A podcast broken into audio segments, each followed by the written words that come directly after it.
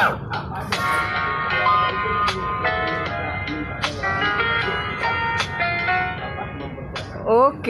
welcome back bersama saya Budi Pratama dan my bro bro brother. Fatur Octaviano in the house di sini. Apa kabar semuanya?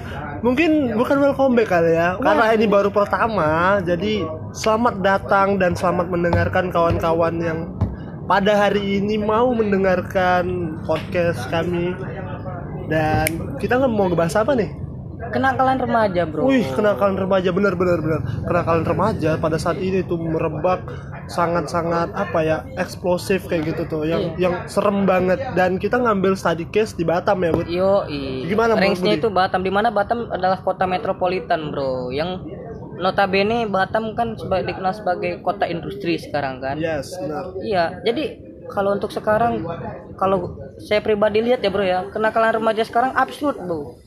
Iya, di mana anak-anak kecil sekarang sudah mencoba yang namanya miras, minuman keras, ya kan, seks bebas, standing-standing di jalan, ya kan, dan gonta-ganti pasangan, udah kayak selebriti bro kalian ya kan. Nah itu yang buat aku bingung ya. Makin ke sini tuh generasi semakin barbar gitu. Maksudku barbar ya. Karena kita tuh didukung fasilitas-fasilitas Jadi menurutmu Bud Apakah dengan moderna- modernisasi Membuat dampak negatif atau semakin baik seperti itu? Eh, kalau menurut gue sih harusnya semakin membaik ya bro. Iya benar harusnya Tetapi dikarenakan pemikiran Indonesia ini, terutama remaja-remaja kita ini masih belum kritis, masih suka mendahulukan ego ya kan, dan juga tidak memikirkan balik dampak yang akan terjadinya. Jadi seperti begini bro. Jadi tindakan yang mereka lakukan memang menurut mereka tuh menyenangkan, but orang dan sekitarnya itu merasa terganggu dan membuat dampak buruk sih. Kalau aku ngeliatnya kayak gitu, Bu. Dan gimana ya? Sebenarnya modernisasi ini bukannya sesuatu yang buruk menurutku, tapi kembali ke orangnya, kembali ke edukasi yang dia punya seperti itu. Seperti kita nih uh, pengen ngelakuin hal baik, tapi kita lihat dulu ada nggak seperti dampaknya itu buat sekitar bagus apa enggak terus juga bagaimana kita diterima tidak apa yang kita lakukan seperti itu Nah betul kali itu bro. Tapi kalau menurut saya pribadi nih bro ya, kenakalan remaja sekarang nih yang bikin absurd kali menurut gua pribadi nih bro ya. ya Pemerintah tidak memfasilitasi tempat di mana remaja-remaja ini untuk mengeksploitasikan hobi mereka seperti standing-standing motor ya kan. standing standing motor biasa Iya, banget tuh iya, anak-anak banget. SMP dia apa naikin naikin motornya ya kan terus jalan sambil Konvoy sambil bawa motor bawa aduh. Terus yang jadi jalurnya itu cewek-cewek ya kan, cewek-cewek di mana Iya. ada sebelah ini, ini putih ini hitam gitu. ya ini nggak tahu ya gitu. kalau kalau di Batam sih hal yang biasa kayak gitu But Iya. sebenarnya it's okay cuman kadang kelewatan batas kayak pulangnya terlalu malam terus mas bahkan masih ada yang usia sekolah yang harusnya mereka sekolah pada pagi hari karena begadang main-main motor jadi kesiangan bangunnya seperti itu balik lagi ke peran orang tua menurut Budi gimana menurut Budi peran orang tua di sini Nah, ini dia, Bro. Mungkin peranan orang tua ini, orang tua mem- mobilisasikan mobile- mobilisasikan motor untuk anaknya itu belang- berangkat dari rumah ke sekolah. Tetapi pandainya anak muda sekarang ini, mereka mendapatkan celah-celah di mana mereka ini mendapatkan ibaratnya memberikan di mendapatkan motor ya kan? Tapi disalahgunakan untuk seperti pulang sekolah sambil belajar standing standing dulu. Nanti alasannya apa? Tadi ada kerja kelompok dulu di sana. Orang tuanya percaya gitu kan? Dan tidak menimbang balik apakah anaknya benar atau tidak gitu kan dan itu salah satu titik kesalahan orang tuanya di mana terlalu memanjakan anak dan terlalu percaya kepada anak gitu kan sebenarnya sah-sah aja sih kayak orang tua memanjakan anak. Aku lebih ngelihatnya tuh ke fasilitas pemerintah yang aku rasa kurang seperti itu. Yang harusnya kan ada tempat sirkuit untuk kayak gitu standing standing dan dibuat waktu berlatih. Memang difasilitasi aja kayak ada home ground gitu kayak kayak ada groundnya gitu untuk mereka menyalurkan bakat bakat ini ya alami mereka alami ya. mereka ya, Kita sebut bakat alami ya. Bakat Standing standing alami. tetap standing standing sebenarnya bakat. sebuah bakat Soalnya itu kan freestyle kita lihat dari Iya. freestyle terus keindahan motor seperti itu itu kan bagus sebenarnya. Iya. Cuman uh, tempatnya yang salah, medianya yang salah, tempatnya waktunya yang salah. dan waktunya yang salah dan sejujurnya bro gue sendiri belum bisa loh standing standing kayak gitu bro Iya, kebetulan ada tuh kawan gue anak SMP, belajar sama anak SMP. Iya iya iya iya. iya. Anak SMP sekarang jago-jago standing cu. Dulu SD standingin sepeda udah merasa keren. Wih, dulu gua sen- sepeda lepas tangan aja udah disebut king of the king, man. Uh, Tapi gini perbedaan dulu dan sekarang. Dulu sewaktu kita kecil, kita sangat susah mendapatkan motor ya. Karena pada za- zaman itu itu motor itu emang jarang banget dan sekarang itu anak-anak SD bahkan udah pakai motor ya kan udah minta-minta udah- motor. Iya, bahkan ada yang pakai mobil kemarin aku lihat anak SD di pertigaan kan. Ini kepalanya mana? Coba dari mobil kan kelihatan. Rupanya memang anak kecil bangsat. Bilang, aduh ya ampun. Anak kecil udah dikasih. Sebenarnya berarti orang tuanya percaya karena dia bisa bawa seperti itu. Cuman Oke. cuman kan nanti misalnya ada kenapa-napa di jalan nih buat nanti yang denger bapak-bapak atau ibu atau calon bapak atau ibu ya tolong uh, timeline waktunya lah diususun dengan rapi mungkin. Kalau anak belum siap berarti jangan dulu dipersiapkan seperti itu. Betul sekali bro. Tetapi sedikit menyinggung juga kenakalan remaja saat ini bro. Ini waktu kemarin buat orang-orang Batam terutama ya. Coba nanti kalian searching di Google Map Golden Brown bro di GP. Golden Brown kenapa? Iya. Waktu malam-malam gua jam 11 jam 10 lah lewat ke Golden Brown. Netnya sama kawan mau jalan-jalan aja refreshing otak. Gua ngeliat bro ada sekumpulan motor ya kan. Dan di sekumpulan motor itu yang bawa motor itu anak kecil di situ mereka minum-minum loh bro. Anggur merah, topi miring, vodka Eslen, dan mungkin itu salah satu dampak di mana Batam ini bebas cukai itu bro, di mana anak-anak nih membeli minuman seperti itu kayak membeli Coca-Cola gitu kan bro, di Alfamart. Jadi kayak gitu guys.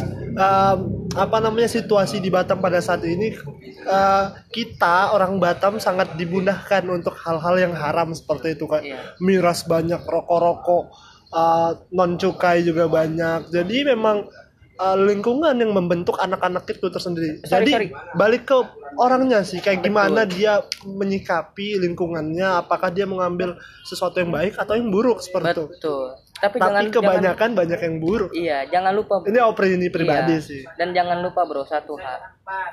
Selain minuman yang tidak terkena cukai, tisu magic dan kondom tidak kena cukai juga bro. Waduh, Jadi sebebas diberdasarkan di sini.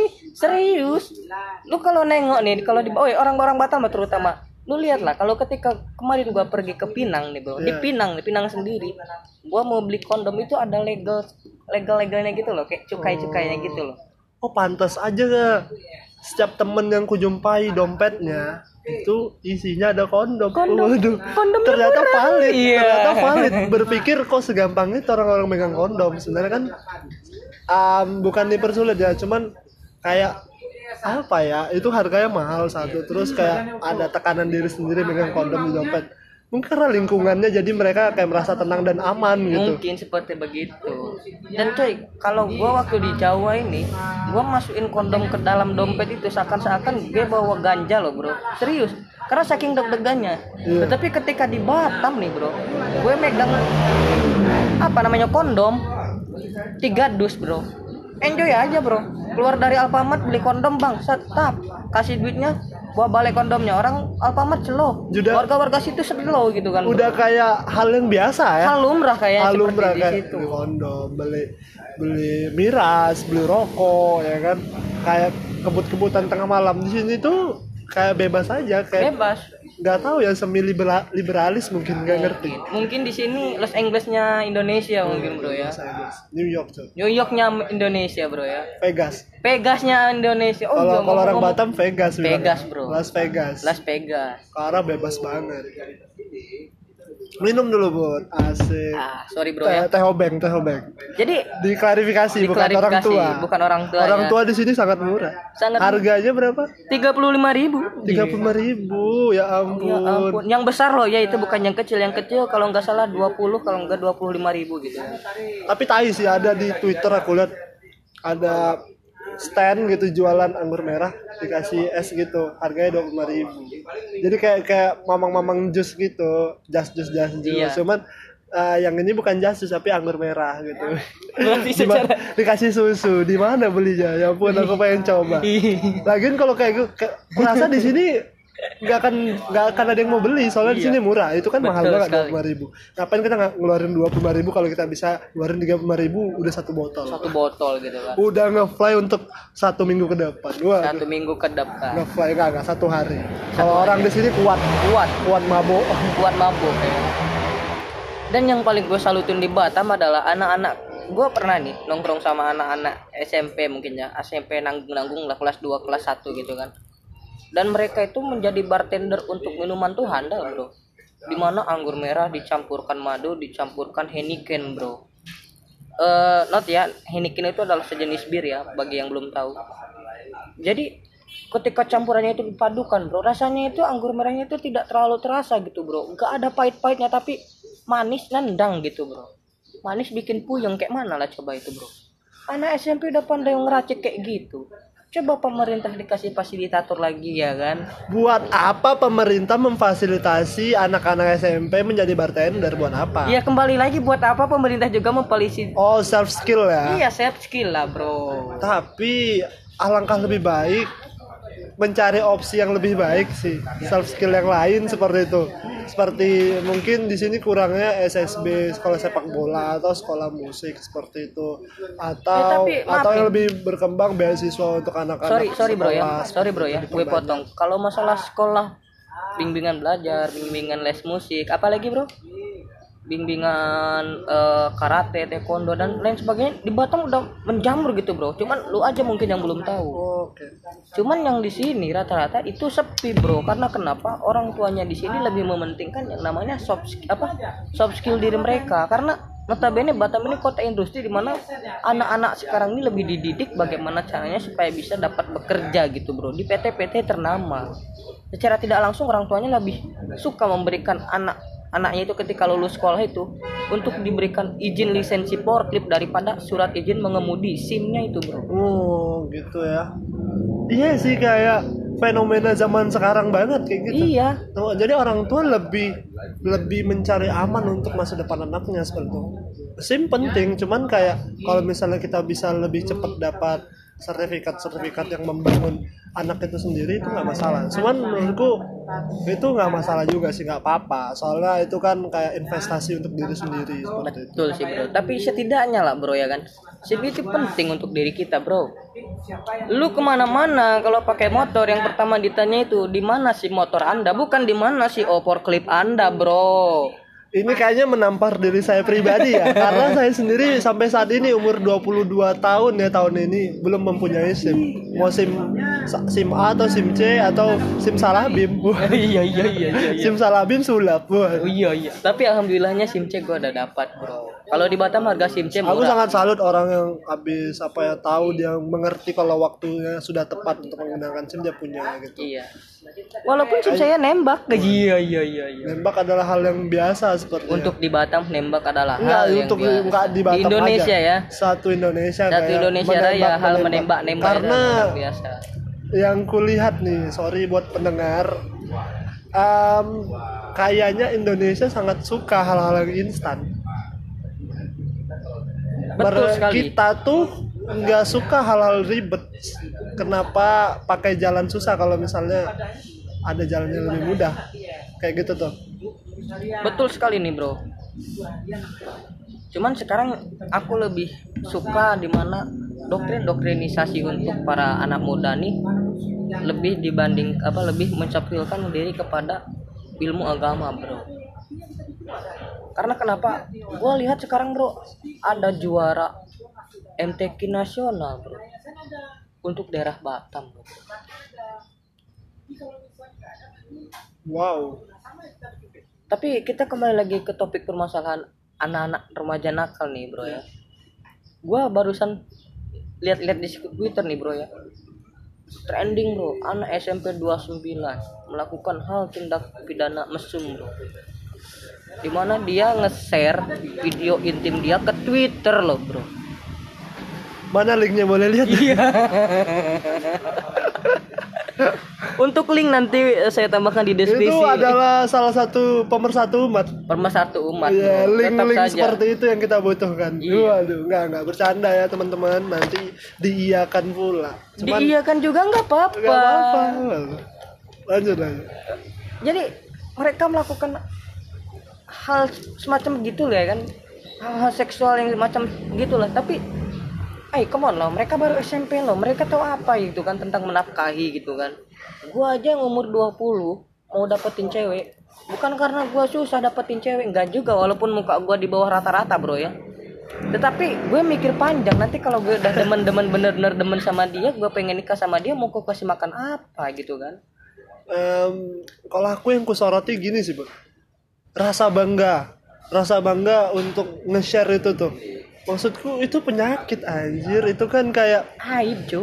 aib bukan aib sih sebenarnya kayak aib cu. hal yang tabu. Kalau aib sih enggak karena dia itu yang mereka suka kan. Makanya mereka nge-share kayak gitu. Cuman kalau untuk Indonesia dan budaya yang kita tahu itu tuh hal yang tabu dan seharusnya tidak usah dipublikasi seperti itu. Dan harusnya mikirnya tuh gini loh teman-temanmu nih buat adik-adik SMP mungkin misalnya denger nih.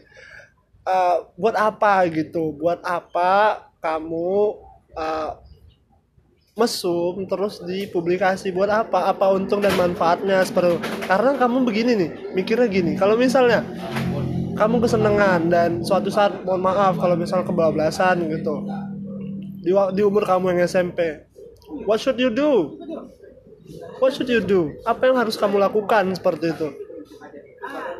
Seorang anak SMP menafkahi atau bertanggung jawab dan bahkan lebih parahnya um, berbuat mesum gitu bro. Bukan aborsi kayak gitu. Terus terus kayak um, tidak menginginkan sang anak seperti itu. Itu kan sangat-sangat berbahaya dan miris sekali. Makanya like um, it's okay kayak bukan pembenaran ya. It's okay kalau mau mesum. Cuman uh, ini nggak tahu ini kayak kontra sekali. Mesum adalah cuman menurutku mesum adalah hak pribadi orang kan. Iya mau sih. mau umur berapapun kayak gitu. Asal dia inget dan tahu dia tuh sudah sudah cukup atau sudah mengerti nggak akan hal itu seperti itu. Cuman untuk opini pribadiku ya tidak apa-apa. Kalau tapi kalau misalnya bagusnya jangan dilakukan seperti itu. Karena um, tetaplah menikah tetaplah resmi dulu menjadi suatu hubungan barulah uh, berhubungan badan dan suami istri seperti itu. Ya walaupun udah menikah di ke Twitter nggak guna bangsat. Masih sesuatu hal yang tabu cu. Di mana negeri kita ini adalah negeri yang kalau masalah untuk seks-seksan kayak gitu hal tabu bangsat. Jadi gini maksudnya itu mungkin pendapat propator emang bener sih ya kan? Kalau setiap hal-hal yang seperti begitu adalah hak individu mereka ya kan? Cuman yang perlu kita garis bawahinya itu mau sampai kapan dia gitu terus bangsa? Kan itu adalah menjadi suatu penyakit masyarakat jadinya. Dia itu jadi penyakit masyarakat. Kenapa gua bilang jadi penyakit masyarakat? Nanti ketika toh ah gua mau sama cewek ini. Terus ceweknya ini jadi mau cewek sama cowok yang agak bener minder duluan. lah gua udah nggak perawan katanya. Lah kalau udah kayak gitu siapa yang salah coba? Cuman yang ku lihat ya di Indonesia ini sangat penting yang namanya perawan. Mau mau itu cewek even itu cowok juga itu kayak penting banget perawan. Soalnya kalau di negeri luar negara luar itu perawan tuh bukan sesuatu hal yang penting kayak gitu. Uh, virginity itu kayak hal yang biasa. Cuman itulah uh, stereotip dan stigma masyarakat di sini tentang perawan. Kalau misalnya kita tidak perawan berarti bukan cewek baik-baik kayak gitu. Berarti tidak bisa apa ya ti- berarti karakternya tidak tidak tidak sesuatu seorang yang baik seperti itu. Tapi menurutku kalau perawan hanya sebagai batas atau sebagai tolak ukur dari si orang ini baik atau enggak itu menurutku salah sih. Karena um, kadang ada orang di masa-masa terberatnya seperti itu kita nggak pernah tahu. Cuman Iya sih. si orang ini si cewek misalnya cewek kita bilang cewek. Cewek ini padahal bagus banget. Dia kayak juara di kelas atau dia punya bakat menari seperti itu.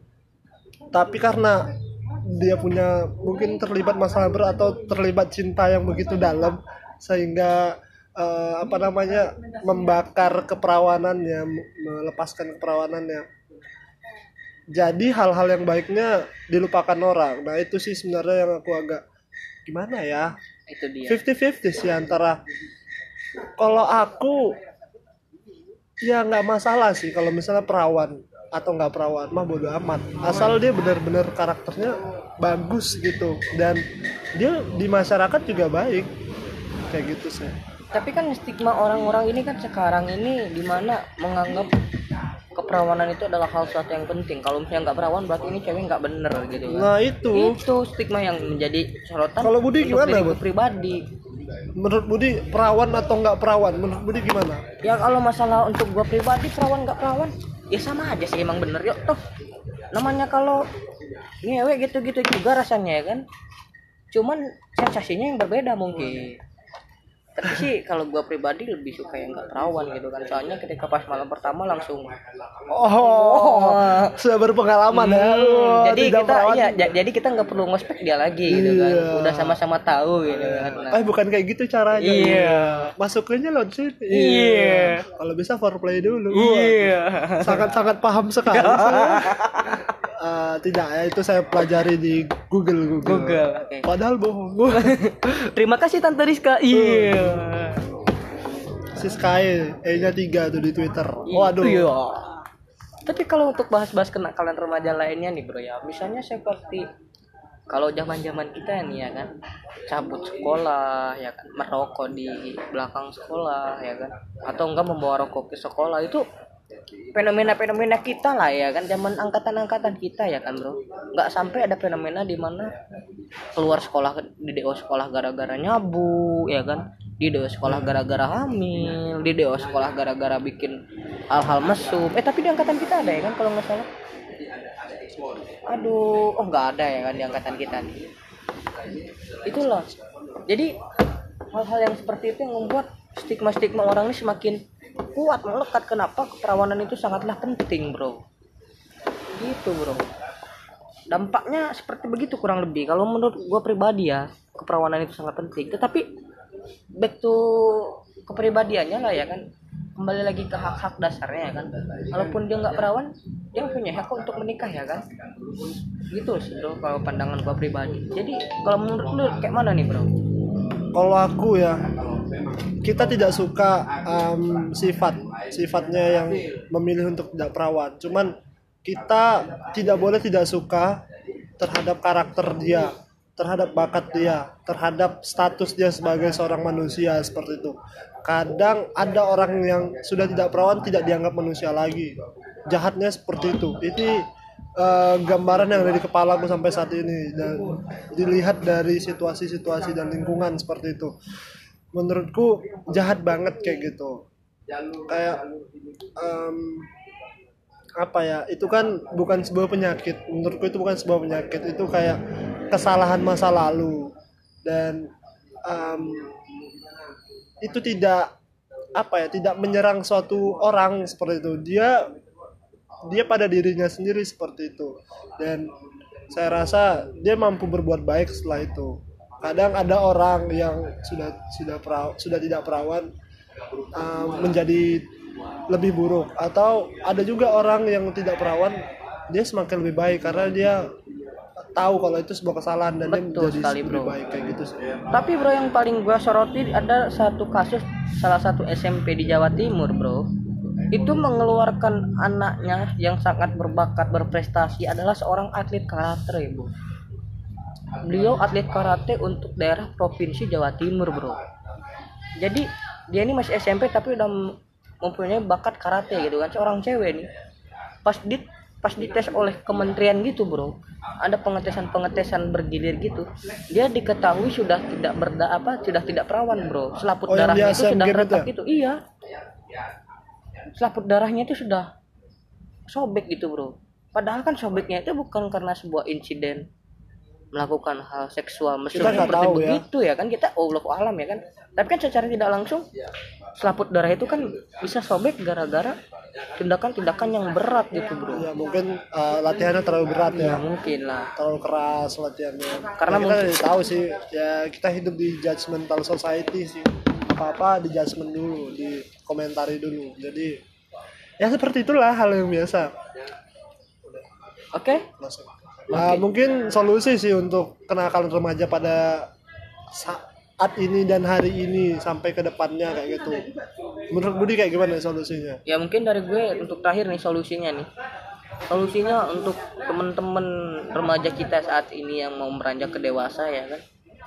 Kalau saran dari gue pribadi nih ya kan solusi Solusi dan saran ya, sih, solusi dan saran dari gue pribadi memperbanyakkan diri deket sama Tuhan deh walaupun nggak pandai-pandai kali agama ya kan yang penting deket kali sama Tuhan.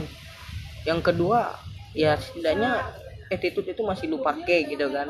Jadi walaupun lu punya bakat standing standing atau apa pun ketika jalan kosong lu standing standing ya mau sampai lu jor-joran di situ kan who cares ya kan. Itu kan emang udah di tempat lu ya kan. Tapi kalau ketika lu jalan rame lu standing standing attitude lu nggak ada sih bro kalau menurut gue pribadi ya kan Iya sih kayak ganggu banget sih Ganggu, orang-orang jadi- kayak gitu. Itu kan merasakan ini pengendara lain. Soalnya Iya. kalau misalnya standing kena kena orang lain kan bisa jatuhnya sama, bukan lo doang yang jatuh gitu. iya gitu terus yang kedua untuk masalah seks bebas iya betul juga sih bro ya kan untuk lu yang pada seks bebas nih ya tergantung lu sih mau ngewe atau enggaknya ya kan tapi kalau gue pribadi ya lu kalau mau ngewe ngewe aja. Tapi kan jangan sampai lu upload dan lu share di media sosial gitu bangsat. Jadi pemersatu umat nih ada bahan pembicaraan gitu kan. Itu sih kalau dari gue dan untuk masalah hal-hal minum nih minum minuman lu boleh li minum minum atau apa. Tapi setidaknya ya kembali lagi lu tahu etika lah attitude lah tahu tempat lah ibaratnya gitu kan. Itu aja sih dari gua sih bro. Oke oke kalau darimu kayak mana bro Kalau aku sih ya, aku mungkin nggak sorotin yang itu yang dekat sama Tuhan. Aku lebih kayak perkaya sudut pandang, perkaya sudut pandangmu masalah hal-hal yang seperti itu kayak itu kan yang kita tahu itu buruk kayak gitu tuh. Em, coba lihat kayak take and give em, hal buruk dan hal baik seperti itu. Kalau yang buruk kita bisa selektif gitu. Ini buruk enggak, ini baik enggak kayak gitu. Terus juga terus edukasi dirimu sendiri kayak gitu. Untuk hal-hal yang baik untuk hal-hal yang bermanfaat ke semua orang. Ya kalau bisa eh, tidak bisa bermanfaat untuk orang lain bermanfaat dulu untuk diri sendiri seperti itu. Karena menurutku pribadi untuk melangkah ke depan untuk membuat generasi yang bagus itu kita nggak perlu nih eh, motivasi orang banyak-banyak gini-gini mulai dari kita yang termotivasi dan berbuat baik orang-orang akan melihat kita dan itu kayak share kebaikan gitu. Dari kita orang-orang bisa berubah seperti itu. Nggak perlu kita kayak eh, komentarin orang terus kayak eh, ngasih sesuatu ke orang. Like it's a bullshit things karena self eh, diri sendiri kayak gitu. Diri sendiri kita sudah baik kita mampu melangkah kayak gitu. Diri kita se- sendiri sudah baik kita menginvestasikan sesuatu untuk diri kita nantinya nanti itu kayak menyebar ke, ke semua orang. Dan itu sih media paling tepat menurut gue ya mungkin itu aja lah untuk podcast pada sore hari ini. Em, setelah ini mungkin kita akan buat podcast podcast lainnya di akun eh, teman saya ya nggak tahu nih namanya apa masih bingung. Nanti lihat aja di eh, kolom. Dan saya harap teman-teman suka dengan pembahasan kami.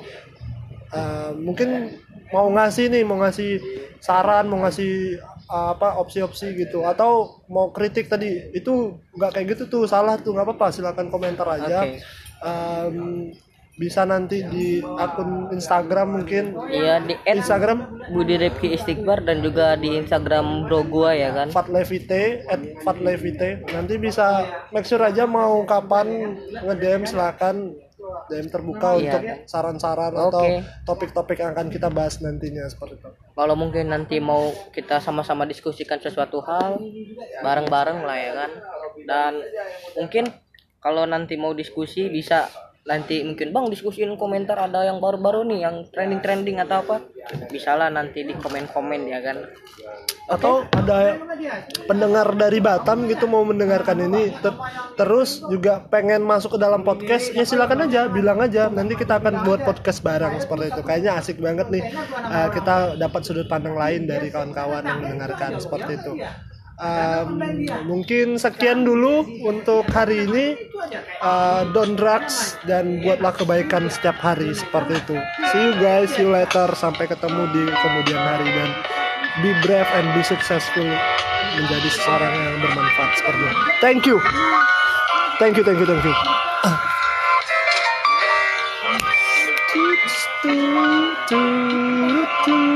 asik banget